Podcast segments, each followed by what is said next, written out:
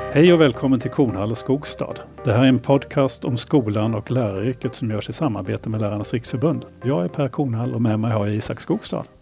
Och dagens gäst är ingen mindre än Åsa Wikfors som är professor i teoretisk filosofi. Om jag inte minns fel den första kvinnliga professorn i teoretisk Mm, ja, filosofi. tillsammans med en annan kvinna. Tillsammans Vi, vi annan. blev först samtidigt.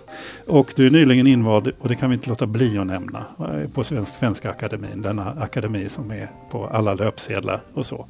Men du är här också därför att du har gett ut boken Alternativa fakta om kunskapen och dess fiender på förlaget Fri Tanke.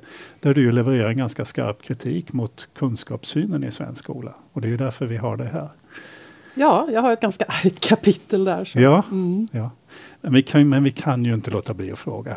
Hur känns det att vara med invald i Svenska Akademin? Ja, men det känns ju väldigt eh, märkligt och overkligt fortfarande. Vi får väl se hur det känns när jag börjar jobba där då. Ja. Eh, Det var, det var ju inget som fanns på min, på min karta att jag skulle någonsin bli tillfrågad det. Så att jag blev väldigt förvånad. Och det har väl inte riktigt sjunkit in än. Så får vi väl se som sagt hur det, vilken typ av uppgifter det blir. Det vet jag väldigt lite om än så länge. Men du tillträdde först den 9 december? Nej, den, eller? den 20 december är ju det här årsmötet de har när liksom publik sitter och tittar på när de har sitt möte. Och då introducerar, eh, då tillträder ju de fyra nya är vi i år, fyra kvinnor. Förbereder dig på något sätt? Ja, man ska ju hålla ett inträdestal då. Jag tänkte mer om du läser alla klassiker och bara försöker bilda dig intensivt nu. Ja, det hade ju varit ett projekt. Ja, nej, jag har ju lite jobb att göra, så, så mycket. Men det är klart det blir en del läsande framöver. Men ett, att skriva ett inträdestal, det, det är något jag måste göra i höst. Mm. Och så. Men vi är fyra stycken i år, så det är ju inte lika stor grej som det är när det kommer en person in. Då. Mm, mm. Men du är här för skoldebattens skull. Och du har ju då som, som professor i teoretisk filosofi blandat dig i den svenska skoldebatten. Varför gjorde du det? Ja, jag gjorde väl det av två skäl då. Eh, för det första att jag är intresserad av skolfrågor och tycker skolan har en sån viktig roll i det som sker nu. Vi befinner oss i en situation där etablerad kunskap utmanas och eh, enormt mycket desinformation sprids. Eh, och vi är extremt påverkansbara då. Så, och hur ska, man liksom, hur ska man arbeta för att bygga upp immuniteten mot det här då? Det är klart att skolan har en central roll i det. Då. Så det finns liksom ett allmänt skäl att intressera sig för skolan. Men sen är det också så, det här är någonting som jag har liksom haft i bakhuvudet sedan 90-talet när jag själv gick på eh, 80-talet var det, herregud vad jag är gammal.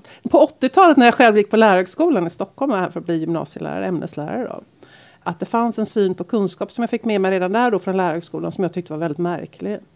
Och eftersom jag är filosof och frågor om vad kunskap är, det är filosofiska frågor, så tyckte jag att det var rimligt att en filosof tog en titt på just detta då, kunskapssynen som spreds av ledande pedagoger som låg bakom den nya läroplanen 94, väldigt explicit låg bakom den. Och jag tyckte att det här, de pratar filosofi utan att egentligen kunna så mycket filosofi. Och det tyckte jag inte var bra. Men vad var det för pedagogiska idéer du fick eh, möta under din tid på lärarhögskolan som det då var på 80-talet? Ja, lärarhögskolan, ja. Ja. Vilket år var det? 86 tror jag. Ja, men det var väl två grejer jag verkligen reagerade på. Det första var att det fanns en kritik mot de som hade stort intresse för sitt ämne. Då. De som liksom verkligen, jag hade läst mycket mer filosofi än vad jag behövde. Och då fick jag kommentaren att ja, det kan ju vara väldigt svårt för sådana som har läst för mycket att bli bra lärare. Då, då tänkte jag, wow, hur hänger det ihop? Det borde väl vara tvärtom. Det var märkligt.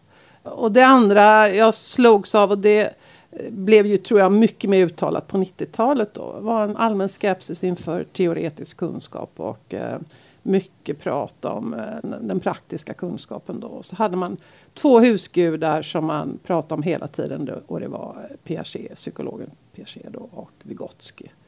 Och det var liksom psykologi från 30 40-talet eller kanske ännu tidigare, 20-talet. Och det slog mig som väldigt märkligt att man hängde fast sin, sina teorier på så gammal forskning. Då. Du var ju precis som jag, du har ju citerat den här, det är, det är nästan en famös kommentar där från Skolverket när, när de ska kommentera 1990-talets pedagogik i svensk skola.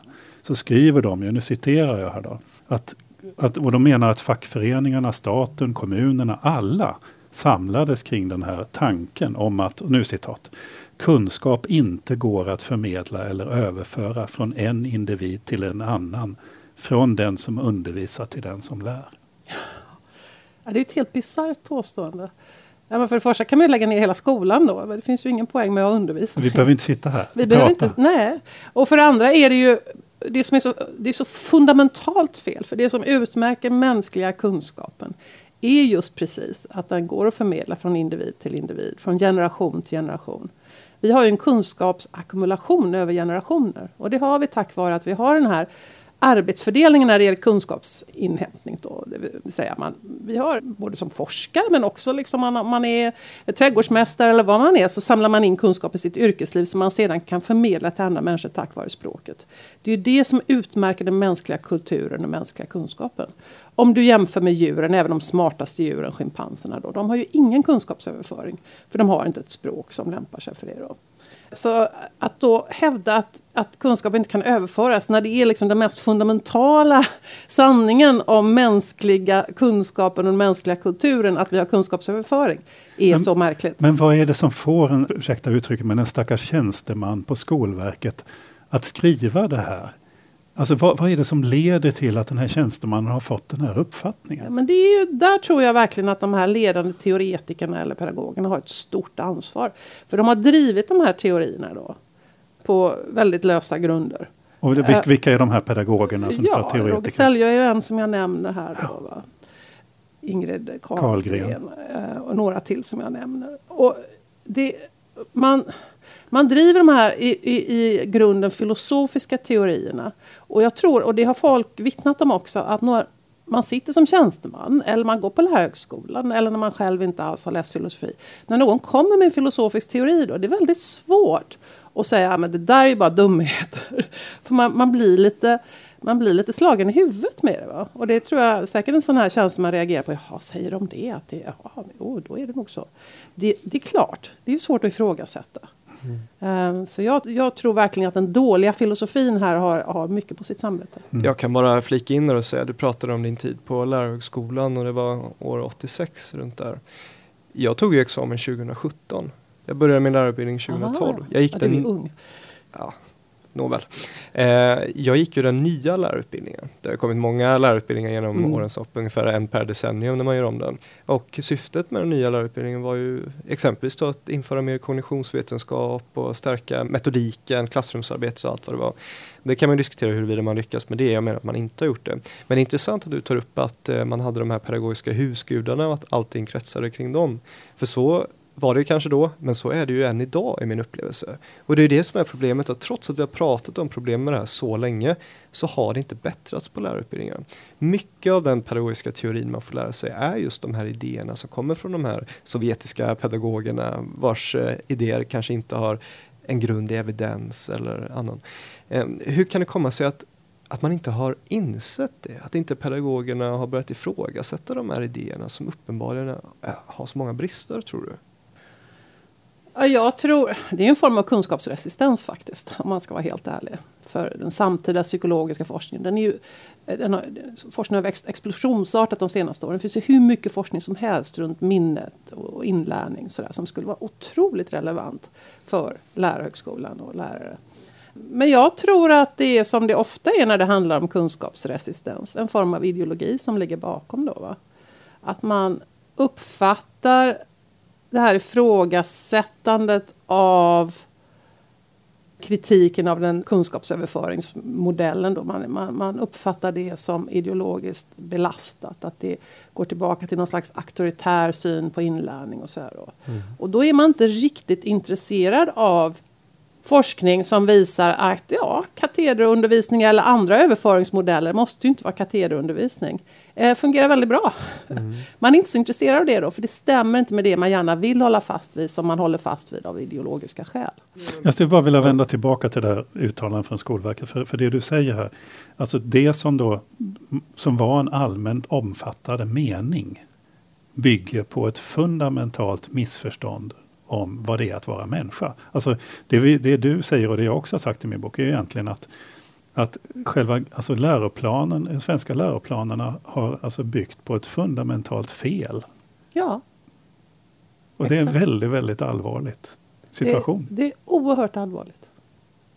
Det är inte bara, det ska man ju lägga till, det är inte bara i Sverige det här skett. Det här är en ideologi eller en syn som är väldigt spridd i västvärlden och har fört med sig ganska katastrofala resultat i många länder. Mm. I en OECD-rapport där man pratar om, där man har undersökt kunskapssyn i olika länder, så där skriver man svart på vitt att den här konstruktivistiska pedagogiska idén är särskilt utbredd bland annat i Norden. Men om än att man tittar internationellt så finns den i alla länder. Men eh, hur kan det komma sig, tror du, att vi i Sverige har varit så mottagliga för den här konstruktivistiska pedagogiken? Ja, men det kanske hänger samman med någonting som är bra med Sverige då. Va? Att vi har tagit jämlikhet på stort allvar. Att vi har velat jobba mot det auktoritära. Att vi velat lyssna på barn och ta dem på allvar och inkludera dem. Alltså massa sådana grejer som är bra då. Som kanske drev den här tanken att vi måste bort i den här Caligula dyker ju alltid upp. För den här den auktoritära, fruktansvärda, penalistiska läraren. Då. Vi måste bort från det till den här mysiga klassrumsmiljön. Då. Och det är ju någonting liksom gott i den tanken då. Men misstaget är att man tror att det enda sättet att uppnå de här värdena som vi verkligen håller högt i, i Norden då är att köra på med en viss sorts pedagogik. Det är ju där man mm. blandar ihop korten då. Men du särskiljer ofta på konstruktivistisk pedagogik och konstruktivistisk kunskapssyn. Ja, jag tycker det finns tre olika saker där. Och där vill jag faktiskt ge Piaget en liten upprättelse. Därför att det finns tre olika saker man kan mena åtminstone med, med konstruktivism. Ehm, det första är då den pedagogiska teorin som handlar om att vi ska inte överföra utan eleverna ska själva liksom söka kunskap och läraren ska fungera som en handledare. och så där. Det är ju en syn på utlärningen då, va? eller hur man ska undervisa. Det andra är en psykologisk teori då, som är kopplad till Piaget. Där tanken är att när man tar in information och den liksom fastnar i minnet, när man lär sig med andra ord, så gör man det genom att eh, strukturera informationen på visst sätt. Man kan liksom inte bara lära sig helt ostrukturerat, utan man bygger upp en slags scheman där, där informationen passar in. Om man lär sig om franska revolutionen, så lär man sig om liksom historiska händelser runt omkring och liksom kopplingar. kopplingar. En struktur där man kan placera in den här nya kunskapen. Då. Och det, finns någon sån tanke hos Piaget då, att, att barnet jobbar med sådana scheman. Då. Det är en syn på, på inlärning som inte är helt fel tror jag. Och stämmer med en del samtida kognitionsforskning. Då, ja, jag kan bara säga det att Hattie säger ju det att det är ju en helt, det är helt korrekt alltså. Jo, det är korrekt. Men det är någonting helt annat än... Äh, det följer inte av att det är så man äh, lagrar kunskaper. För det följer inte av det att man ska, inte kan överföra kunskap. Det är ju helt oberoende av varandra. Så man måste skilja då från den här eh, konstruktivistiska undervisningsmetoder från teorin om lärande då? För, absolut, och sen finns det en tredje sorts konstruktivism som kommer in i geggan här då. Och det är den filosofiska tesen att alla fakta är konstruktioner. Då. Att det inte finns någon objektiv kunskap och sådär. Då. Och, och det är ytterligare en tes som är helt oberoende av de två andra. Då, va? Men min liksom, lilla hypotes om det här tycker jag bekräftas när man läser de här pedagogiska texterna. Är att den konstruktivistiska kunskapssynen, då, alltså den här synen på den filosofiska teorin, som ju kom liksom senare i med postmodernismen och så här. Den råkade passa väldigt bra med idén om pedagogiken då, att man inte skulle pådyvla folk kunskap. Då. Därför att om det inte finns någon kunskap, objektiv kunskap eller inte några fakta, utan allting är en konstruktion, det är klart att då måste ju eleven konstruera kunskapen själv. Då. Eh, det, blir, ah, det passade väldigt bra ihop i alla fall. Va? Så att postmodern, man brukar skylla mycket av det här som pågår på postmodernism. Och det tror jag är fel egentligen, för jag tror att den konstruktivistiska synen på undervisning, den, den går längre tillbaka. Den går tillbaka till 50-talet egentligen. I USA i alla fall.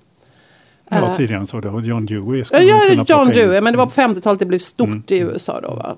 Men det råkade bara vara så att den postmoderna konstruktivistiska filosofiska teorin om kunskap, den passade väldigt bra in i det där. Och sen blev det ännu geggigare när den kom in i bilden på 90-talet. Mm, mm. Och de här vill ju väl, eller hur? Ja, men det tror jag också. Jag tror verkligen att man måste komma ihåg det när man diskuterar de här frågorna. Och det var därför jag sa det här om värderingar. Att det finns något väldigt gott i, i, i grunden här. Mm. Alla vill väl. Alla vill vi fostra goda demokratiska medborgare. Som alla liksom förmår tänka kritiskt och självständigt. Och eh, liksom inte har blivit pådyvlade en massa saker. Så, det, vi, alla vill vi väl. Va? Vi har samma mål. vi har samma mål och det skriver jag väldigt tydligt i boken också. Men det vill jag också att den andra sidan ska komma ihåg. Att vi har också det som mål. För att ofta blir det så när man kritiserar de här pedagogiska teorierna att man blir beskriven som någon slags politisk mörkerman då, va? att man är, står för något extremt höger auktoritärt och sådär. Vilket är precis motsatsen mot min politiska ståndpunkt då. Ja, det är ju ganska intressant här, för jag menar både du och jag Jonas, och, men tyvärr Isak, du är inte med i samma gäng då.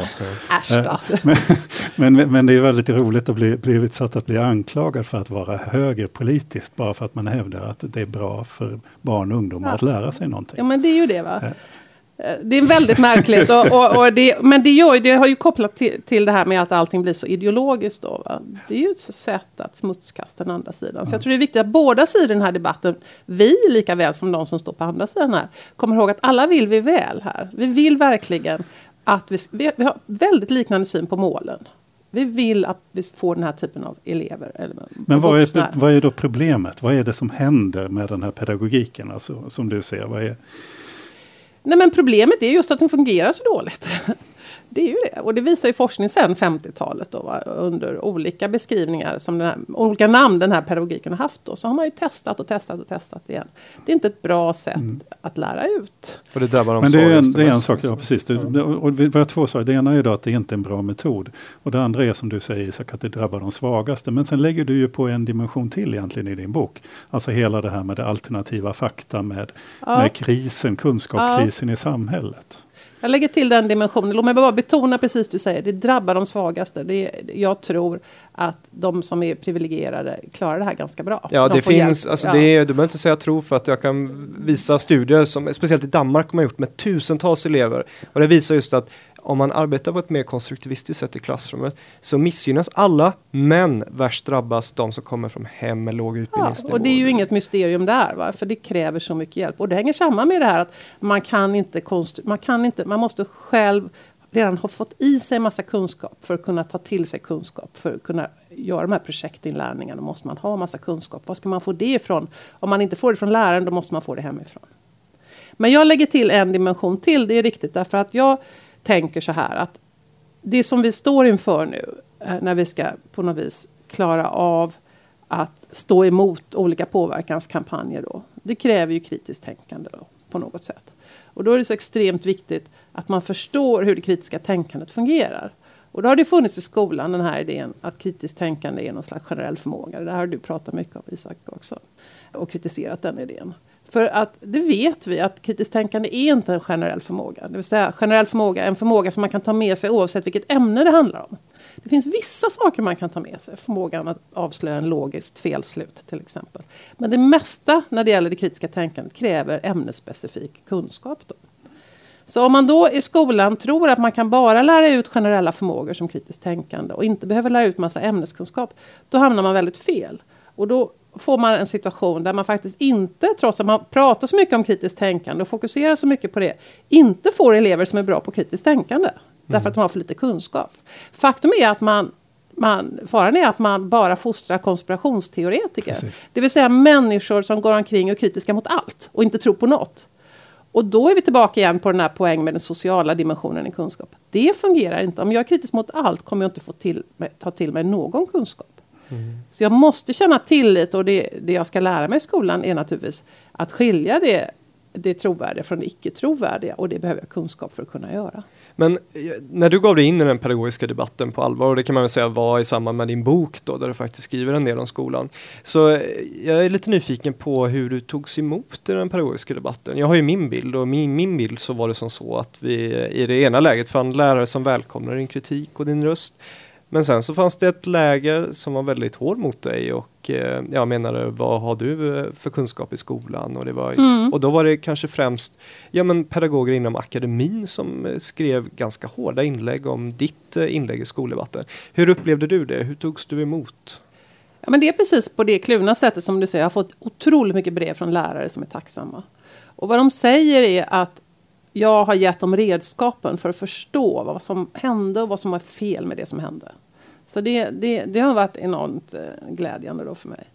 När det gäller de andra, eh, eh, ja, alltså, jag vet ju att det finns men jag läser inte om jag ska vara helt ärlig. För det är så ofta bara argt och ideologiskt och väldigt lite faktisk argumentation. Det finns en legitim fråga att ställa tycker jag och det är varför ska en filosof som inte är, är lärare, nu är jag i och för sig lärare då, men jag har inte jobbat som lärare.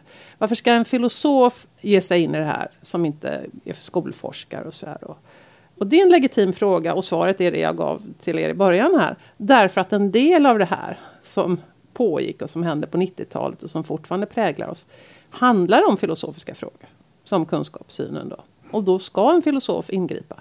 Jag är extremt tydlig i min bok med att jag uttalar mig inte om vad som faktiskt sker i klassrummen. För vi vet ganska lite om det. Jag forskar inte på det och den forskning som finns är inte särskilt kvantitativ. I vilken utsträckning det finns lite forskning som visar att svenska lärare i väldigt stor utsträckning håller med om den konstruktivistiska pedagogiken. Det finns forskning på det. Men vilken utsträckning de verkligen tillämpar den, så vitt jag vet, så vet jag vet inte hur mycket det är. Jo, det mm. finns också det finns data också. på det. finns lite sådana studier. Och det är ju lite det som är problematiskt, att eh, jag menar kunskapssynen, om man eh, tror på den här konstruktivistiska idén om lärande, det är ju inga problem med när jag exempelvis då, men om man då helt enkelt översätter det till klassrumsmetodik, där man låter eleverna själva söka sin kunskap och allt det där, det är där problemen uppstår. Och det är där Sverige särskiljer sig i mångt och mycket från andra länder. Ja, men, men ett problem tycker jag ändå, vi har en lärarkår som, är, som har en ganska lång akademisk akademisk utbildning, eller hur? Och sen så, så har de till grund då en läroplan som enligt dig som är filosof av facket har brutala brister när det gäller vad som står i den, alltså den teoretiska grunden. Då. Och jag tänker på, det finns en matematisk didaktiker som skriver en avhandling i skolporten som skriver, när hon har tittat på lärares praktik, så, så det som överraskade, vad, vad överraskade dig, frågar de, eh, skolporten henne? Att läroplanen inte hade ett större djup. Det vill säga att verk, alltså lärarna hade inte teoretiska verktyg i läroplanen att kunna så att säga, hantera. Och jag tänker på de här kunskapskraven som vi nu har, till exempel i svenska skolan. De är ju framtagna genom att någon tjänsteman på Skolverket slaktar en modell för, för kunskapsutveckling där man tar bort den grundläggande förmågan att minnas till exempel. Det börjar man med, bara ta bort. Ja. Så. Alltså, Nej, ja. Nej, men man kan är inte svenska lärare värda bättre? De är värda otroligt mycket bättre och det är också det som driver mig. Jag kommer ihåg på lärarhögskolan hur engagerade de studenterna var som gick där och ville bli bra lärare verkligen och, och ville liksom brann för det här. Uh, de är värda otroligt mycket bättre. Och, och jag tror också att många lärare är kloka nog att strunta i mycket av det där. Då, va? Men vad jag, jag, vet, jag vet inte själv och därför uttalar jag mig inte om vad som faktiskt sker i klassrummet. Min evidens är anekdotisk. Jag har två barn som har gått i skolan i alla år. Jag har sett hur det har varit. Liksom. Men det är anekdotiskt. Så jag vill inte säga för mycket om det. Vad jag kan säga någonting om är de texter som har använts på lärarhögskolan och så vidare. De teorier som har spridits. Och antagandet jag gör då är att det har fått konsekvenser i klassrummet. Och det är väl inget orimligt antagande. Mm. Finns det någon koppling här då mellan kunskapssynen och likvärdigheten? Jo men det gör ju det där, på grund av det som vi pratade om förut. Därför att om man har den här synen på att kunskap inte ska överföras utan att alla ska söka sin egen kunskap. Om man applicerar det i klassrummet så att man låter eleverna göra väldigt mycket egenarbete och ut och googla själva och projektdrivet och så vidare. Det det där är sånt som man inte klarar om man inte redan har med sig rätt mycket kunskap eller får rätt mycket hjälp. Får man inte den hjälpen från läraren så kan man om man har tur få det hemifrån. Får man inte hemifrån så är man helt förlorad. Mm. du har ju skrivit om det, ditt eget köksbord så att säga, dina egna om du tar den anekdotiska evidensen från din familj. Ja, ja, ja men vi har ju haft enormt mycket, alltså ungarna kommer hem med hopplösa uppgifter de ska göra. Inte ens den minsta lilla instruktion om liksom vilka källor de ska titta på, utan de ska hitta källorna själva. Det är en helt omöjlig uppgift. Ja, men det finns ju det är en djungel där ute. Hur ska man kunna hitta en källa som är trovärdig, som är på rätt nivå, som är relevant? Alltså ska man ju, och då sitter, så jag och min man har suttit jättemycket och letat med ungarna och försökt hitta. Jag vill inte berätta för dem hur de ska göra, så vi har satt oss ner och letat och sådär. Men det är ju jättesvårt. Mm. Och um, ska man jobba projektinriktat, vilket man kan göra i de högre årskurserna, tycker jag inte tidigt då. Då tycker jag att man åtminstone som lärare är skyldig eleverna en lista över rimliga källor. Mm. Välj tre av de här 20. Men också kanske lite direktiv på vad man ska skriva om och jobba i och sånt. För att jag, min upplevelse, jag, jag kvackade ett tag, alltså jobbade som obehörig eh, svensklärare. Och då var en uppgift som eh, jag blev rätt ålagd att göra var att eleverna skulle skriva en faktatext. Och det låter ju rimligt. Men då fick jag då höra av en eh, senior svensklärare att eleverna själva skulle välja om vad de skulle skriva. Och då var det en elev då som kom från ett hem utan utbildade föräldrar och hade det tufft i skolan. Han valde att skriva om Kinamat. Och det var hans faktatext.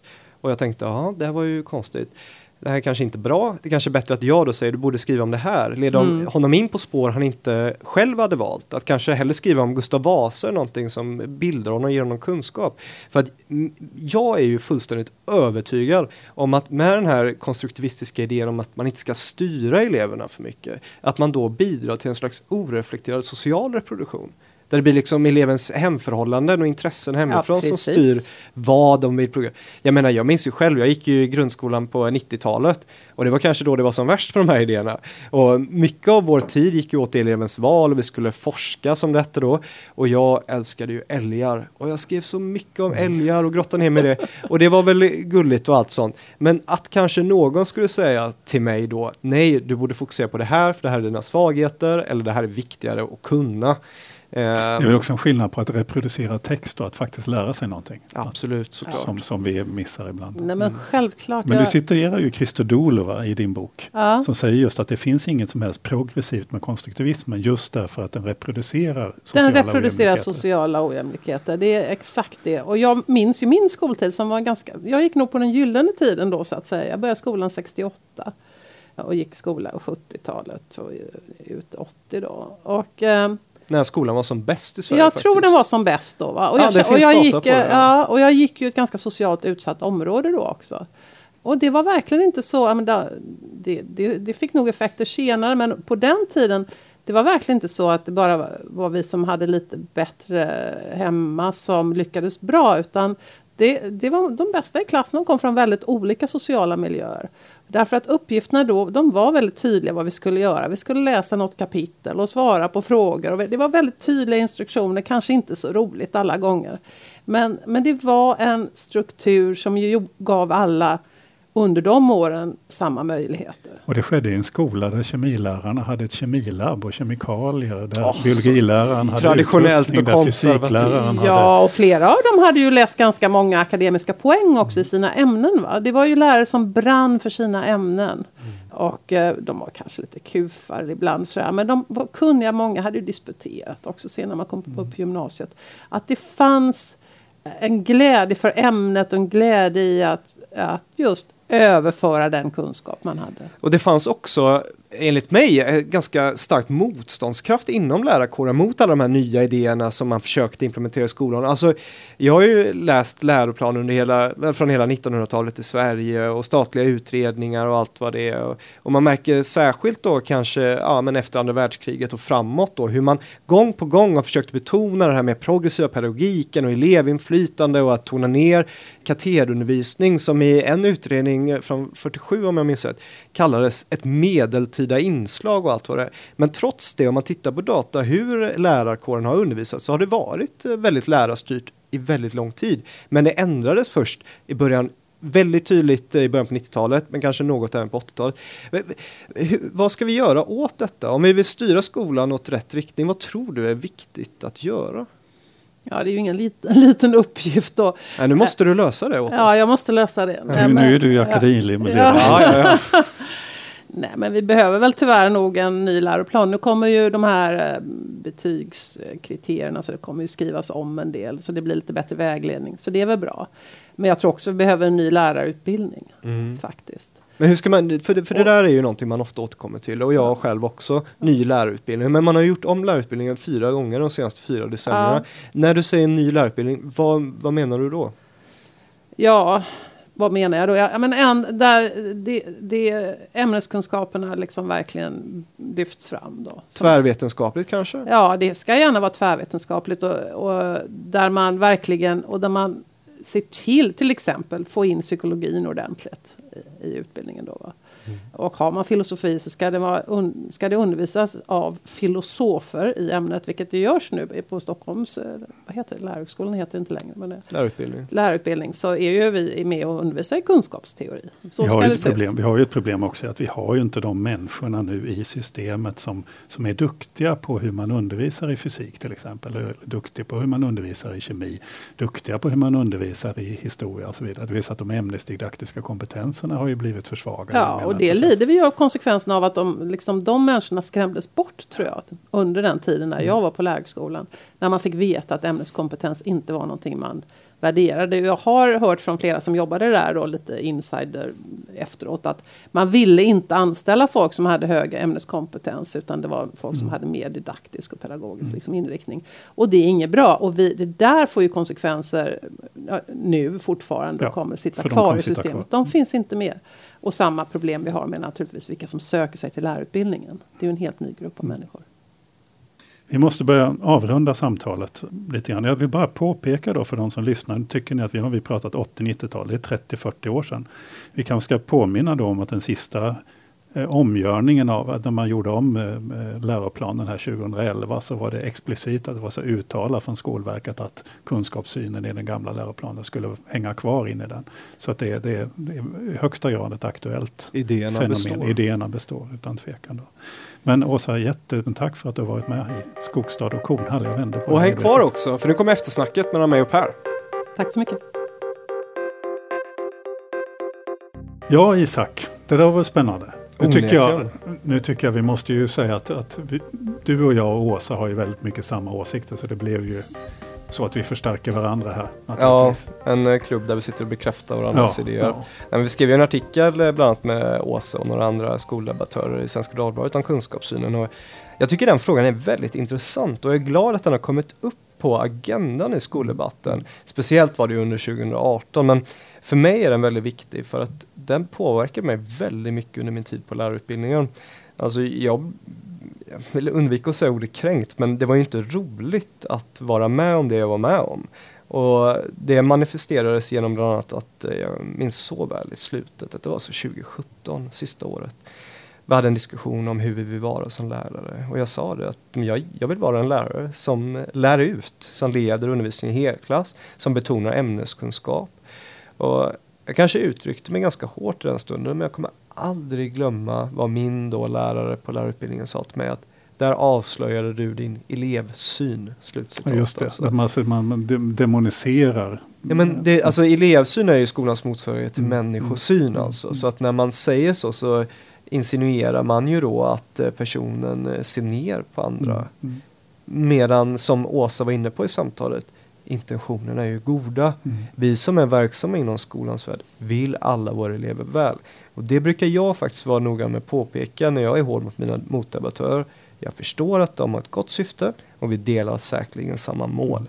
Vi vill skapa kreativa, kritiskt tänkande och kunniga och mm. eh, ja, men helt enkelt bra folk. Men vi är inte överens om nej, vägen nej. dit. Jag tycker det finns en sån intressant det här att vi, vi, kallar ju det här för progressiv pedagogik också. När det är konservativt. När det är konservativt, när det konserverar ja, sociala ja. skillnader. Men, men då tycker jag det är så intressant om man då tittar på eh, socialdemokratin till exempel. Så är det väldigt tydligt att de ramlade ner, de valde att bli det här progressiva konstruktivistiska.